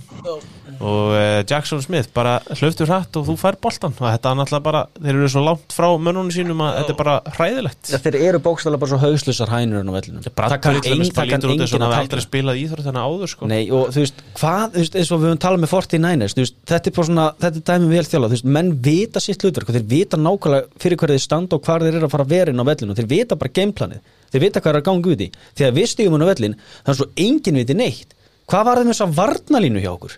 Ha, við vorum með 70 fellur í fyrra, við erum komið með 39 fellur í ár. CJ það var Gardner, CJ Gardner Johnson sem við letum frá okkur ha, hann var með, var með sko, ja, mörg interception og þessi vörd hjá okkur í allt ár er með en hann gerði það í nýju leikjum í fyrra. Það er svo fyndi bara hversu Það er náttúrulega ekki fyndi, það er ekki rétt setningi. Það er bara svo skrítið að horfa á þetta lið einhvern veginn missa báða uh, koordinatoruna Þeir standa sér með þvílíkri príði í þeim stöðum sem þeir eru komnir í í dag. En hversu ofbóðslega illa hefur gengið að endurráða eða skilji Já, ég meina, Það, hvernig, hvernig, hversu ég- endurráningarnar er eru svo- hana það er andur póka Já, sko, allavega það sem ég sá á þessu leik og búin að sjá að síðustu leikinu þá var bara Jalen Hurts bara búin að vera slappur. Ég, Ég, sko- þú veist, hann, hann er að taka á stað í, opn, í, í þú veist, góðum vasa. Þessi sóknarlína opnaði alveg tækifæri fyrir hann, hann er nánast bara sér drauga líku við, veist, allt inni tekur hann bara á stað og þetta fyrir allt í klessu. Veist, hann talaði eftir leika að þetta lið virðist ekki vera committed. Skilða alveg, veist, þetta virkar pínu eins og það sé svona smá panik dæmi þarna, þú veist þetta lið er bara ekkert búin að vera neitt sérstaklega gott, ég sagði þetta fyrir löngu síðan að þeir væru enga með jafn góðir og rekordi og, og svona, og þú veist, og við kallin alltaf nei, við Valur rifist alltaf við kalla varandi þennan Eagles Dallas leik. Og það er bara að sína sig finnst mér það sem að Eagles hafi verið að, að sína okkur, að það er loksins svona að fá smá regression to the mean að þeir hafa bara ekkert verið það góðir. Og það var talað um að jú, þeir riðin í hann offensive coordinator, þeir spila nána sama system og þeir gerði í fyrra með stækjan, þú veist, öll tölfræði sýnir að þeir eru að spila sömu kerfi jafn oft og í fyrra og bla bla bla bla. En, en sem er kannski, þú veist villan, þeir eru ekkert að þróa sig áfram, þú veist, ef þú sk- skoðar bara Eagles í fyrra, þá náttúrulega í NFL þá eru defensive coordinator með aðgang á teipinu og þeir verðast bara sjá bara, þú veist, já, þeir eru bara ekkert búin að þróa sig áfram, við getum bara varist vörðin í fyrra, það er risa teipa á þessu og þú veist, það, sem maður sá alveg, þú veist, Devonta Smith var einu sinni galopið náttúrulega, hann Já. fekk ekki boltan, þú veist, við erum að senda hérna á Cross Watkins, við Já. erum að bara, þú veist, við, við erum að hægustu, hægasta sekundari í heimi, þeir, þú veist, þeir eru allir svo Við ertu gamli, orðin partur af samfélaginu. Ja, þú veist, hy- hypothetical hérna, bara velkomin, segi ég. Nei, þú veist, þetta, ég, Þetta er bara, lé, Ég- þetta er bara eitt, ég ætla bara að fakta þetta. Þetta er eitt lélegasta lið dildarinn þessu stundina Það er bara þannig, það er- þetta er búin að er vera- umurlegt já, þú veist, Kalli skammaði okkur út af drekkordunum daginn, ég er búin að segja, það er búið að vera prumpufíla þessu, Ég, ég var að prumpa maður. Og þú veist, það er, það er einhver búin að vera einhver reykur þarna, þú veist, þeir voru að vinna leiki sem þeir áttu ekki að vera að vinna. Og maður, ég, þú veist, Ég skammaði ykkur um daginn vegna þess að mér fannst tvískinungur í því að hlaupa upp til hand og fóta þegar að Cowboys vinna þrjú lélugustu liði deildarinnar en að sjá aldrei í gegnum fingur sér með Eagles liðið sama á móti hvernig þeim spila. Það var punkturinn minn þegar við rættum þetta Cowboys Eagles æfintýri og það kom nú bara í ljós að það var ekkit allt vittlust sem að kom frá mér í, í þeirri umræðu en áfram gakk varandi það áður nú nefnið það nú í fjórðaskipti hérna í þessari upptalningu að tala eins og með Quest Watkins. Þetta er svona dæmi um hversu heimskir við getum verið. Þessi leikmaður er Hann er mögulega næst lélegast í útterji dildarinnar og eftir Jalen Reykor sem kennst valla í hópjá Patriots. Gaurinn, hann er búin að kasta núna síðustu fjóri djúpu boltar á Quest Watkins. Tvö interception Eitt dropp í Super Bowl og svo eitt bolti sem hann greip og endaði sig hann á fömbla því að hann vissi bara ekki hvað hann að gera við boltan þegar hann greip hann. Og þessi gaur er bara, til hvers voru að fá Julio Jones? Við veist, það er að nota Julio Jones í ákveðnus bara Ég var búin tilfellum að steingleima því að Julio Jones En þetta er náttúrulega bara út af því að þeir vita ekkert hvað þeir eru að gera. Nei, og, nei. og sko eins og þess að uh, veist, maður fæ náttúrulega bara stampinu ef ég fæ að fara bara í 14 einherslið aftur. Þegar maður er að tala um bara að menn er að fá hann á ferðin einu góðu kerfin hjá okkur sem virka sem voru alltaf að virka í fyrirlumis er bara easy slönd hjá AJ Brownin á miðju. Já. þegar hann var að fá hann á ferð. Ég meina, hann, hann var með, hann var með flestu yards eftir catch í fyrra einmitt út af þessu, þetta var að virka. Við, gerum horfðum þetta hann- aldrei Nei, á núna. Fyrstu tíu umferðunar var hann náttúrulega bara eitt besti leikmaður, þú veist maður bara var í rugglinu Þetta hefur farið þetta mjög var- hratt niður Já. Ég er nefnilega sammála þessu með að- að Ígúlsliði bara akkur í dag er bara easy. Já, ég meina, þú veist, við erum, í, við erum ítrekkað að sjá, þú veist, það er rosalega mikið svæðisvört spiluð. Þannig að basically sjö á móti kannski fjórum útterjum, cirka bát. Það droppa sjö og það eru fjórir að pressa. Af hverju er alltaf bara 49ers menn, Miami menn og Lions menn, alltaf gapandi frýir hjá okkur? Það er bara, þú veist, heru, þeir taka fimm skref áfram og snúa sig við og svo bara stoppa þeir og svo það hörs að fara út úr vasanum og þetta er alltaf svo, þú veist, síðasta touchdown sem hörs kastaði, það voru þetta því að hann þurfti að hlaupa í tíu sekundur, svo rétt náðan að finna Devonta Smith þannig á móti já. þetta var eitthvað svona þetta var bara eitthvað svona, wow, frábært. Hann þurfti að, sá þurfti að hafa fyrir þessu. Það liður á ekki- mjög vondum og stað þú veist, get ekki stoppa Seahawks. 92 hjarta play og þeir sko þurfti ekki svona að leiklið sitt í þetta? Það sem er náttúrulega vest við allt saman að nú eigiði sko Giants eftir tvo að síðustu þreim leikjónum þannig að þeir eru að fara að rölda í róliheitunum í gegnum ég er, prógrami nei, nei, nei, ég er ekki eins og svo viss. Nei, nei, Tommy, ég get sagt þér það að Brian Dable næra að tekna upp einhvern snildar leik fyrir Tommy DeVito á mót okkur. Og við erum ekki að fara að komast nálátt honum. Ég er bara að segja ykkur að nákvæmlega núna. Ég er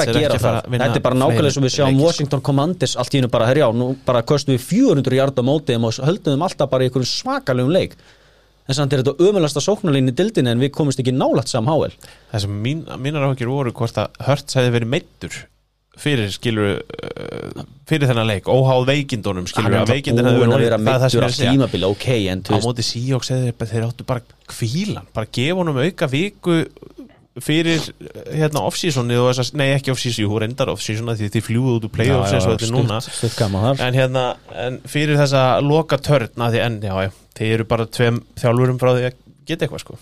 Já, við erum líka, sko svo við tölum nú, við erum alltaf að bera saman 49ers greinilega og Eagles. Það er alltaf einu tvö liðin sem að maður helst að gæta eitthvað sko að, þú veist, þannig að- bara, veist, út af því að Maggi var að tala um já, já, Við algjörlega séum, samlæður að hérna staffið hans sjana, hann er tekið í sundur okkur einasta ári. Já, og hann einhvern veginn nær alltaf að halda liðinu bara geggjuðu á meðan að það, núna erum við komið sko með Matt Patricia að call a place, við erum ekki svona að ræða það. Þú veist, sko blíjandurinn er að call a place. Ég menn að setja mér svo kastþjálfarin hjá ykkur í fyrra. Hann er hann sóknarþjálfari hjá hérna, Houston, Texas. Hvað er hann að gera? hann er bara með geðvika sóknarleiki á CJ Stroud. Já, það er, þú veist við, erum, við erum með kastþjálfarin okkar sem sóknarþjálfari núna. Hann veit ekki svona hvað hann er að gera þarna. Hann er bara óhæfur. Svo að Sjandi sæ, af hverju er hann er inn í ykkur búði? Af hverju er hann Ég- bara flykt í burtu? ég, ég skil þetta ekki alveg. Hvaða vina þjónusta er þetta eiginlega? Þú veist, hann er hvað þeir töluðum að, nú, hann er ennþá defensive coordinator en hann er komin upp í búrið á meðan hann Patricia er við sidelinið og call a place en er ekki koordinator þú getur ekki tökið svona í mikrofónum Magnús. Fyrir ekki að ég bara ég er með óbræði Hann er- muninu mann, ég hann eitthvað er, að taka. hann er að reyði smjatta á hann þú hefur oft, No, þú I oft, gert- þú hefur oft, þú hefur oft gert þetta sjálfur. Ég, ég bara, ég skil eh, mér fann út af því að þú veist ég held eftir síðasta tímabil að Sirianni væri svona, þú veist, hann er náttúrulega dikk og hundlegilegur, hann er svona, þú veist, elskar að vera með í þínu liði, hatar hann ef hann í öðru liði, liði. og maður held hann væri svona sniður en svo bara tveir tapleikir sem að þeir verið að, exposed eða hvernig sem þú vilt orða það. Og þá bara panik. Það líktar bara legit paniki þú veist, bara eins og hann höndlit ekki eða þú veist, ég veit ekki hvernig ég orða það kannski ekki höndlið ekki, en þú veist, þetta er bara svona yfirvegunin virðist að vera engin. Ég held hann hafi bara séð fyrir sér að hann gæti ráðið innan hús og þetta myndi ganga upp. En að er- Chicago. Eh, hinn er, ég var að tala um varnarlega já, nei, sóknarlega Sóknarlega, segi, já, fyrir ekki. hann kom náttúrulega, já, kastþjálfurinn sem varst að tala um á hann sem ég veit ekki hvað heitir, ekki hugmyndu það. Bara ekki einu sinni leggja á minni en það finnst mér alveg eins og þið segið þú veist, það að sjáast svona svakalega á hörts hversu sóknarleikurinn er, þú veist, ef þið eruð ekki að, að púsja honum yfir með allir sóknarlínu, þá er þetta bara og við vorum að tala um þetta fyrir löngu síðan. Þessi stefnulösa hlaupans út úr vasanum og bara dundur honum ekkert á AJ Brown, sko, þetta var bara ragalegt, sko. og svo málið það að sko ég og pappi við, við nánast brutum sjóarpið í nótt. Þegar við tókum þrjú kerfi á örstutum tíma receiver screen út í kant. Og þetta var eitthvað, ég, eiginlega bara mæli með þetta gerist allt í fyrsta fjórung ég mæli með bara að horfa á þetta því að þetta, þetta, þetta var svo lélegt en samt voru ennþá ennþá að reyna þetta. Og þessi hlaup upp miðjuna, trekk í trekk veist, það er kannski eitt hlaup á 15 sem er hefnast og við erum að, þessi sóknunan hjá okkur ég veit ekki hvort að hún er allt í norðin léleg en ég held að þetta sé ekki, ein, hún er ekki eins og top 20 í ár sko. Nei.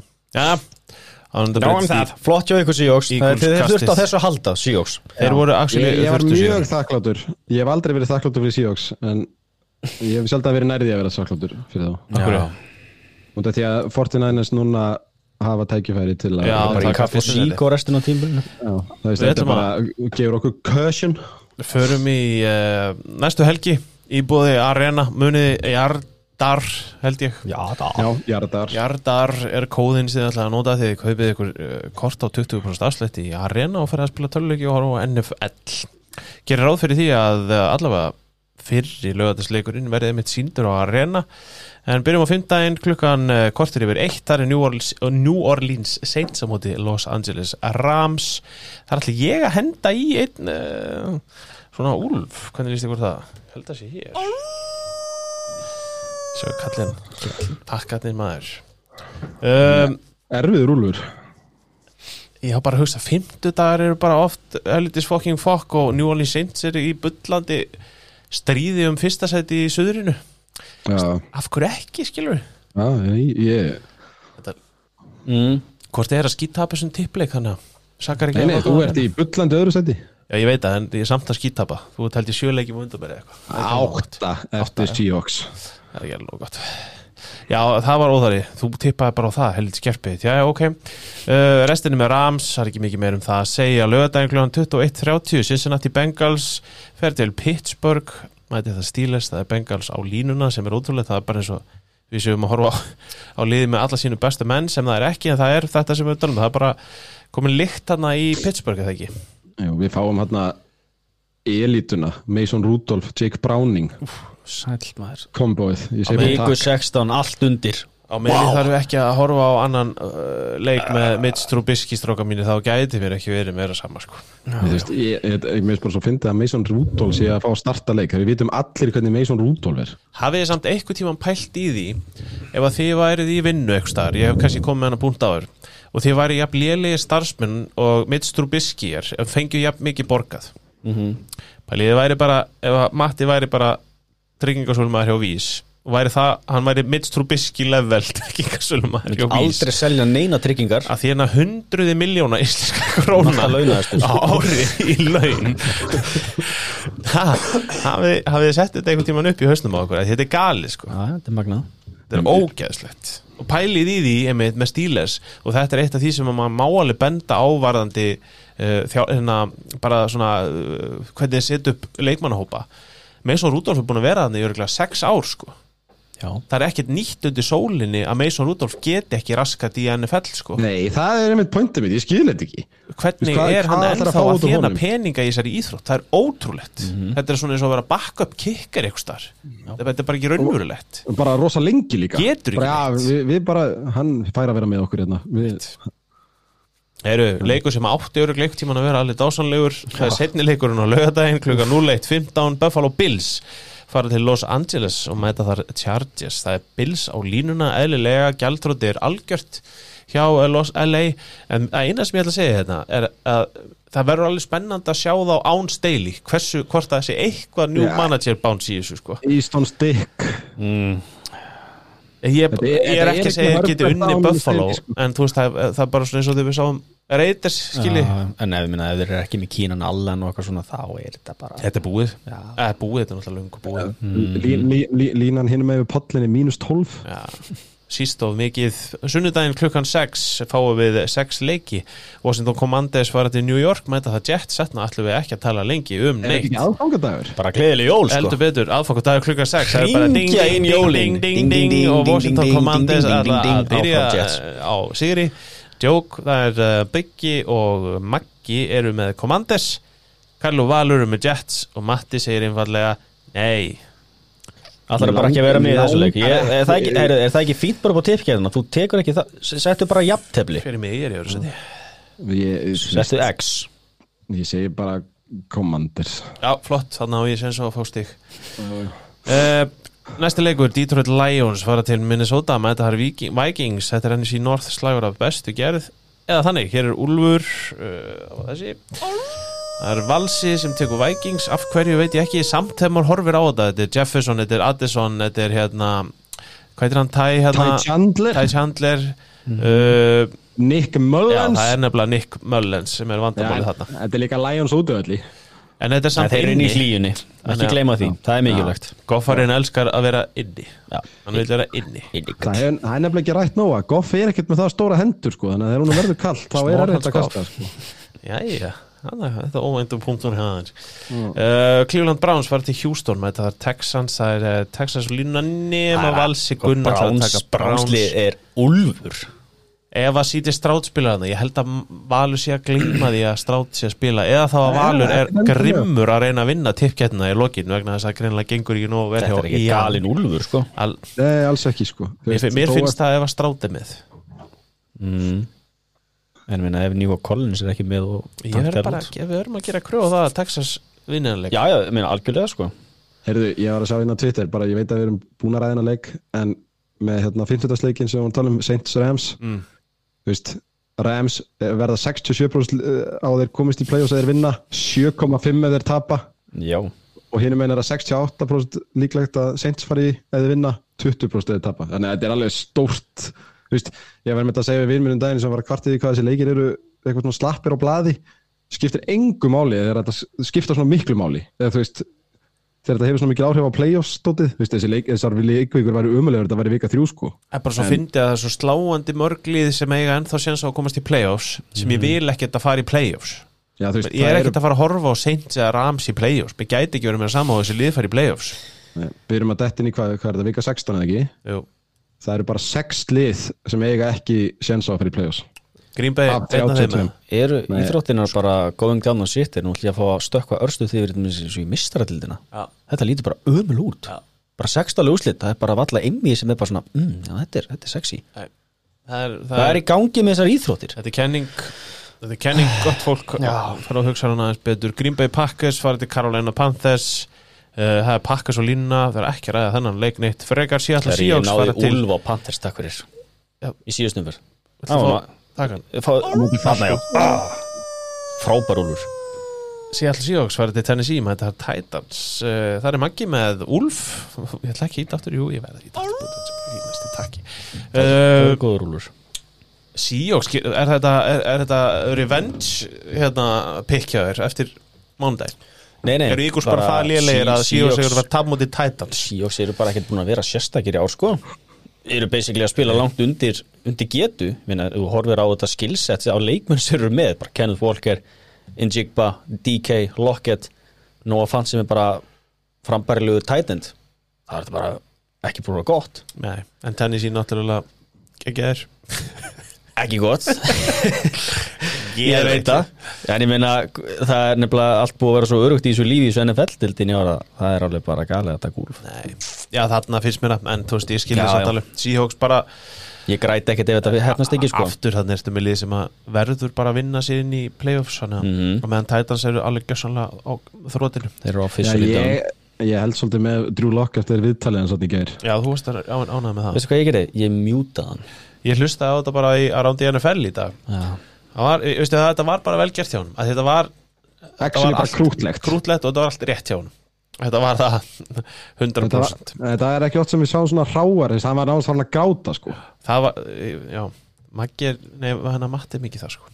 Að ég, allt svona tilfinningaporn og Já. svona ég er myndbönd af hermönum að koma heim þar er ég veikur sko. Já, hérna, hér. Næst förum við til eh, Atlanta. Það er Indianapolis Colts sem fara til Atlanta Falcons. Uh, Kallmenn geta líka grátið munið það. Uh, Colts á línuna. Eðlilega, við erum búin að gefast upp á Arthur Smith og þessu sóknar skími og viðbjóði og það er Minshew Mania. Ég vil fá Minshew í playoffs. Ég vil hann minni playoffsleik. Ég vil að þessi kongur sem er komin sko örugglega langt yfir 50% sigurhlutall í startingleikjónu sínum eftir þetta tímambil bara fáið það propp sem hann á skilið. Ándjóks, þetta er það sem ég, var alltaf að tala um. Hann var, lang, hann var allt of góður til að vera backup. Allt of góður til að vera backup. Æjá, hann er í hári eftir systemi. Já, Hárétt Um hvernig þjálfara. það- það. Við ætlum að tala um Baker? Við finnst þetta eiga við líka þar. Já, en, ég, sko, algjörlega, svona bæði og Þú veist, hugsið ykkur bara ef Alland og Falkos væri með Minsjú finnst það bara allt annað dæmi. Já. Allt annað dæmi. Ég bara ef Falkons væri með annan en Arthur Smith. Já, ég, það ég, ég, ég, við veitum nú bara sumrunni að fá sem alla kortebakka í heiminum hann sem voru á lausu til Falkons fyrir þetta, í þessa gaura sko. En nei, nei. Það, er endur svona með breytir. Tyler Heineke Herru, sundaginn kl. 21.05 Jacksonville Jaguars til Tampa Bay fara þar til og heita Buccaneersmenn uh, Jaguars á mig og Magga Tampa Bay á restina. Og ég var bara að hugsa þarna þeir verði eiginlega að koma tilbaka Jackson, mm -hmm. Jaguars. Já, en við erum alltaf mögulega að horfa á Lawrence lausa Jaguars, hann er með heilarhysting ég held að hann verði bara að spila hann leik Já, ég held að Ég held að hann spili. Ég held að líka, ég held að Lóðin spila hann leik. Þó að þetta hafi verið svona svolítið grunnsamlegt hvað menn eru mikið einn leik í burtu eftir að hafa grins með mögulegan heila hristing. Mér finnst þér aðeins búin að svona dannast á því. Þetta var mjög stránt í byrjun. Já, Svo er þetta svona, það er alveg að gera snokkur sinu núna í ár það sem er sérstaklega núna í lók tímabils ég held að það sé ekki sjens að nái að- að að kippi Lóðins út úr þessu. En er bara búin að spila og bara búin að vera skemmtilegir. Já. svo ekki mikið um þennan leik að segja en án Lóðins þá vissulega er þetta ekki gott bygg hver er backupin hjá Jags? Það er CJ Beathard. 49ers King. Hann var þetta actually ekkert svo slæmur þegar hann þurfti að fara undir stýri hjá 49ers á sínum tíma. Já, svona ekki frekar en Stutt Nick gaman. Mullins. Jæja. uh, Klukkan 21.25 Dallas Cowboys til Miami mæta þar Dolphins. Þarna er bólaleikur vikunar get ég sagt ykkur. Litli leikurinn. Jók, jú, þetta er bólaleikur vikunar 100% Nei, nei, já, Ég Gáttu kem er ekki, er ekki svitsað hérna Patriots Broncos í staðin fyrir? Já, já ég, Þetta ekki spennt fyrir honum? Nei. ég Nei, nei, Ég er vissulega með Broncos-vörðin í Fantasy í undanúrslutum það er heppilegt. En? Hvað sjáum við hana? Cowboys Dolphins. Dolphins uh, segir ég uh, að sjálfsögðu Byggi og Matti. Cowboys á Magga og Val. Já, við Hill er að koma aftur og við erum nú að tala um Kábús og útivelli og svona, ég veit það ekki, ég, mér finnst bara einhvern veginn Dolphins vera spengilegra lið og svona, ég hef einhvern veginn meiri trúið, skemmtilegra, meira að sprengja í hana og svona, ég, Ég ætla bara að standa í það sem ég sagði Ég held að þetta Cowboys lið sé ekki svona gott Ég held að Dolphins steiki á bara þetta er vonaði það maður Já, ég trúi því að þú vonir það Úff, en þetta er samt rosalega vangbrotin Dolphins vörð, þannig að Hún er náttúrulega bara- back leikur, sko. rosalega mikið að meðslum hjá þeim sko. Já. Svakalega sko. En ég hlakka til að sjá bara til þess hvernig Dallasliði kemur tilbaka eftir að hafa bókstælega ekki náða að stoppa eitt hlaup í síðasta leik og fara að mæta núna eitt Chain og Mostert. Mástert Kongurinn, Já, minn maður. Þetta verður geggjaðleikur Geðvikuleikur Arizona Cardinals talandi um geðvika leiki fara til Chicago mæta þar Bears. Eh, Ég ætla að skella mér á Úlf þarna bara því að ég er ekkert að hata hvernig Cardinals liði spilar Nei, nei, Nei, nei, nei, það Bears þeir eru einhvern veginn með niðurgangi í lokina sem sem fannst þið bara ekki, ekki þú veist, spennandi hann á móti Browns um helgina og bara Cardinals þurfa að vinna eitt leiki viðbútt Er það ekki? Þess að búin að vera helviti Mjög góð. Er Svett er búin að sko. vera algjör difference maker og hann er bara búin að fá einhvern veginn alla upp á tærnar. Geggjaður. bara Edmunds og Edvards farnir að spila frábælega eftir að þið náttúrulega borgu honum allt og snemma þú veist svona upp á það að gera skilur þú vilt fá svona hvað hva, á ekki að peppa sig upp í eitt samningi viðbútt þið bara, herru, cash á borðið og Ég er að fíla þetta svett sko. Draða þetta liða áfram maður. Herru, ég fekk úlfinn hann af Sunday Night. Þá, eh, ég takka hann hérna.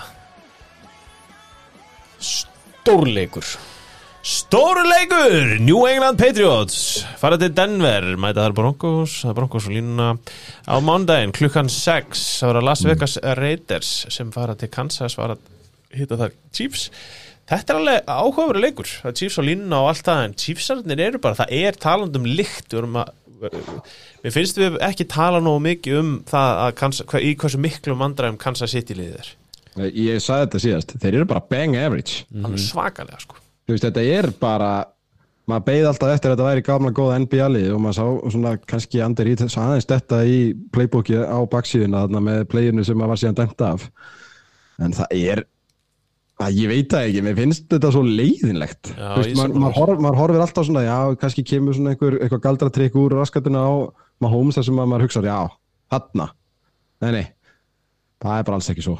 En mun, þetta veisluna sem við erum að fara inn í á jóladag hérna, drengir. Það eru þríleikir á jóladag, byrjum klukkan 6 Ég held að Crosby komist í hausinn á Mahomes. Við erum að tala um hangikjöt og uppstúf og NFL á jóladag. Takk, takk, takk, takk. Allt eins og vilt hafa það mati Hamburgerhryggs afgangar og Ó, beinin! Ó, við Beinin. erum verið við á beinavættinni, ég og þú? Já, rauðvín. Já, já, takk. Já, takk. Já, takk Herri, um, uh, mánudaginn klukkan 21.30 Eagles fara til New York mæta Giants. Nei, nei, þeir fá þá til, til sín. Nú, Giants kiki í heimsó góður, Nú, var ég að Hanna, Sorry maður. Bara ekki máli.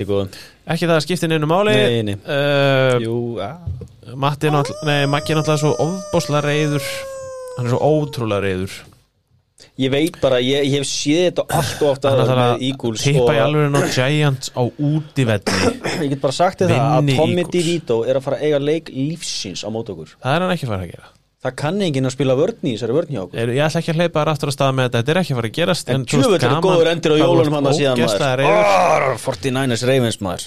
Það er nefnilega það sem við ætlum að fara í.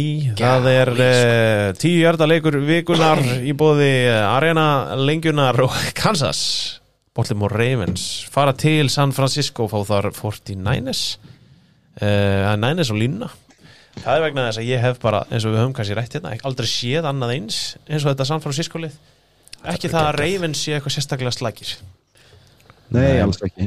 Það er enda að ræða mig pínu hversu margir mittust núna í síðustu tveimu vikum. Það er þarna defensive tackle-arnir og svo bara var fimmanna hérna, meðslisti eftir en hann Cardinals-leik, Jennings og safety-arnir og eitthvað þetta var eitthvað svona hundleðrætt en Ravens getur nú svara, líka svara með hversu já, sást ég að var veit að að, missa ég veit að já, þú veist, veit, hvað myndið þið giska línan á hana leikir?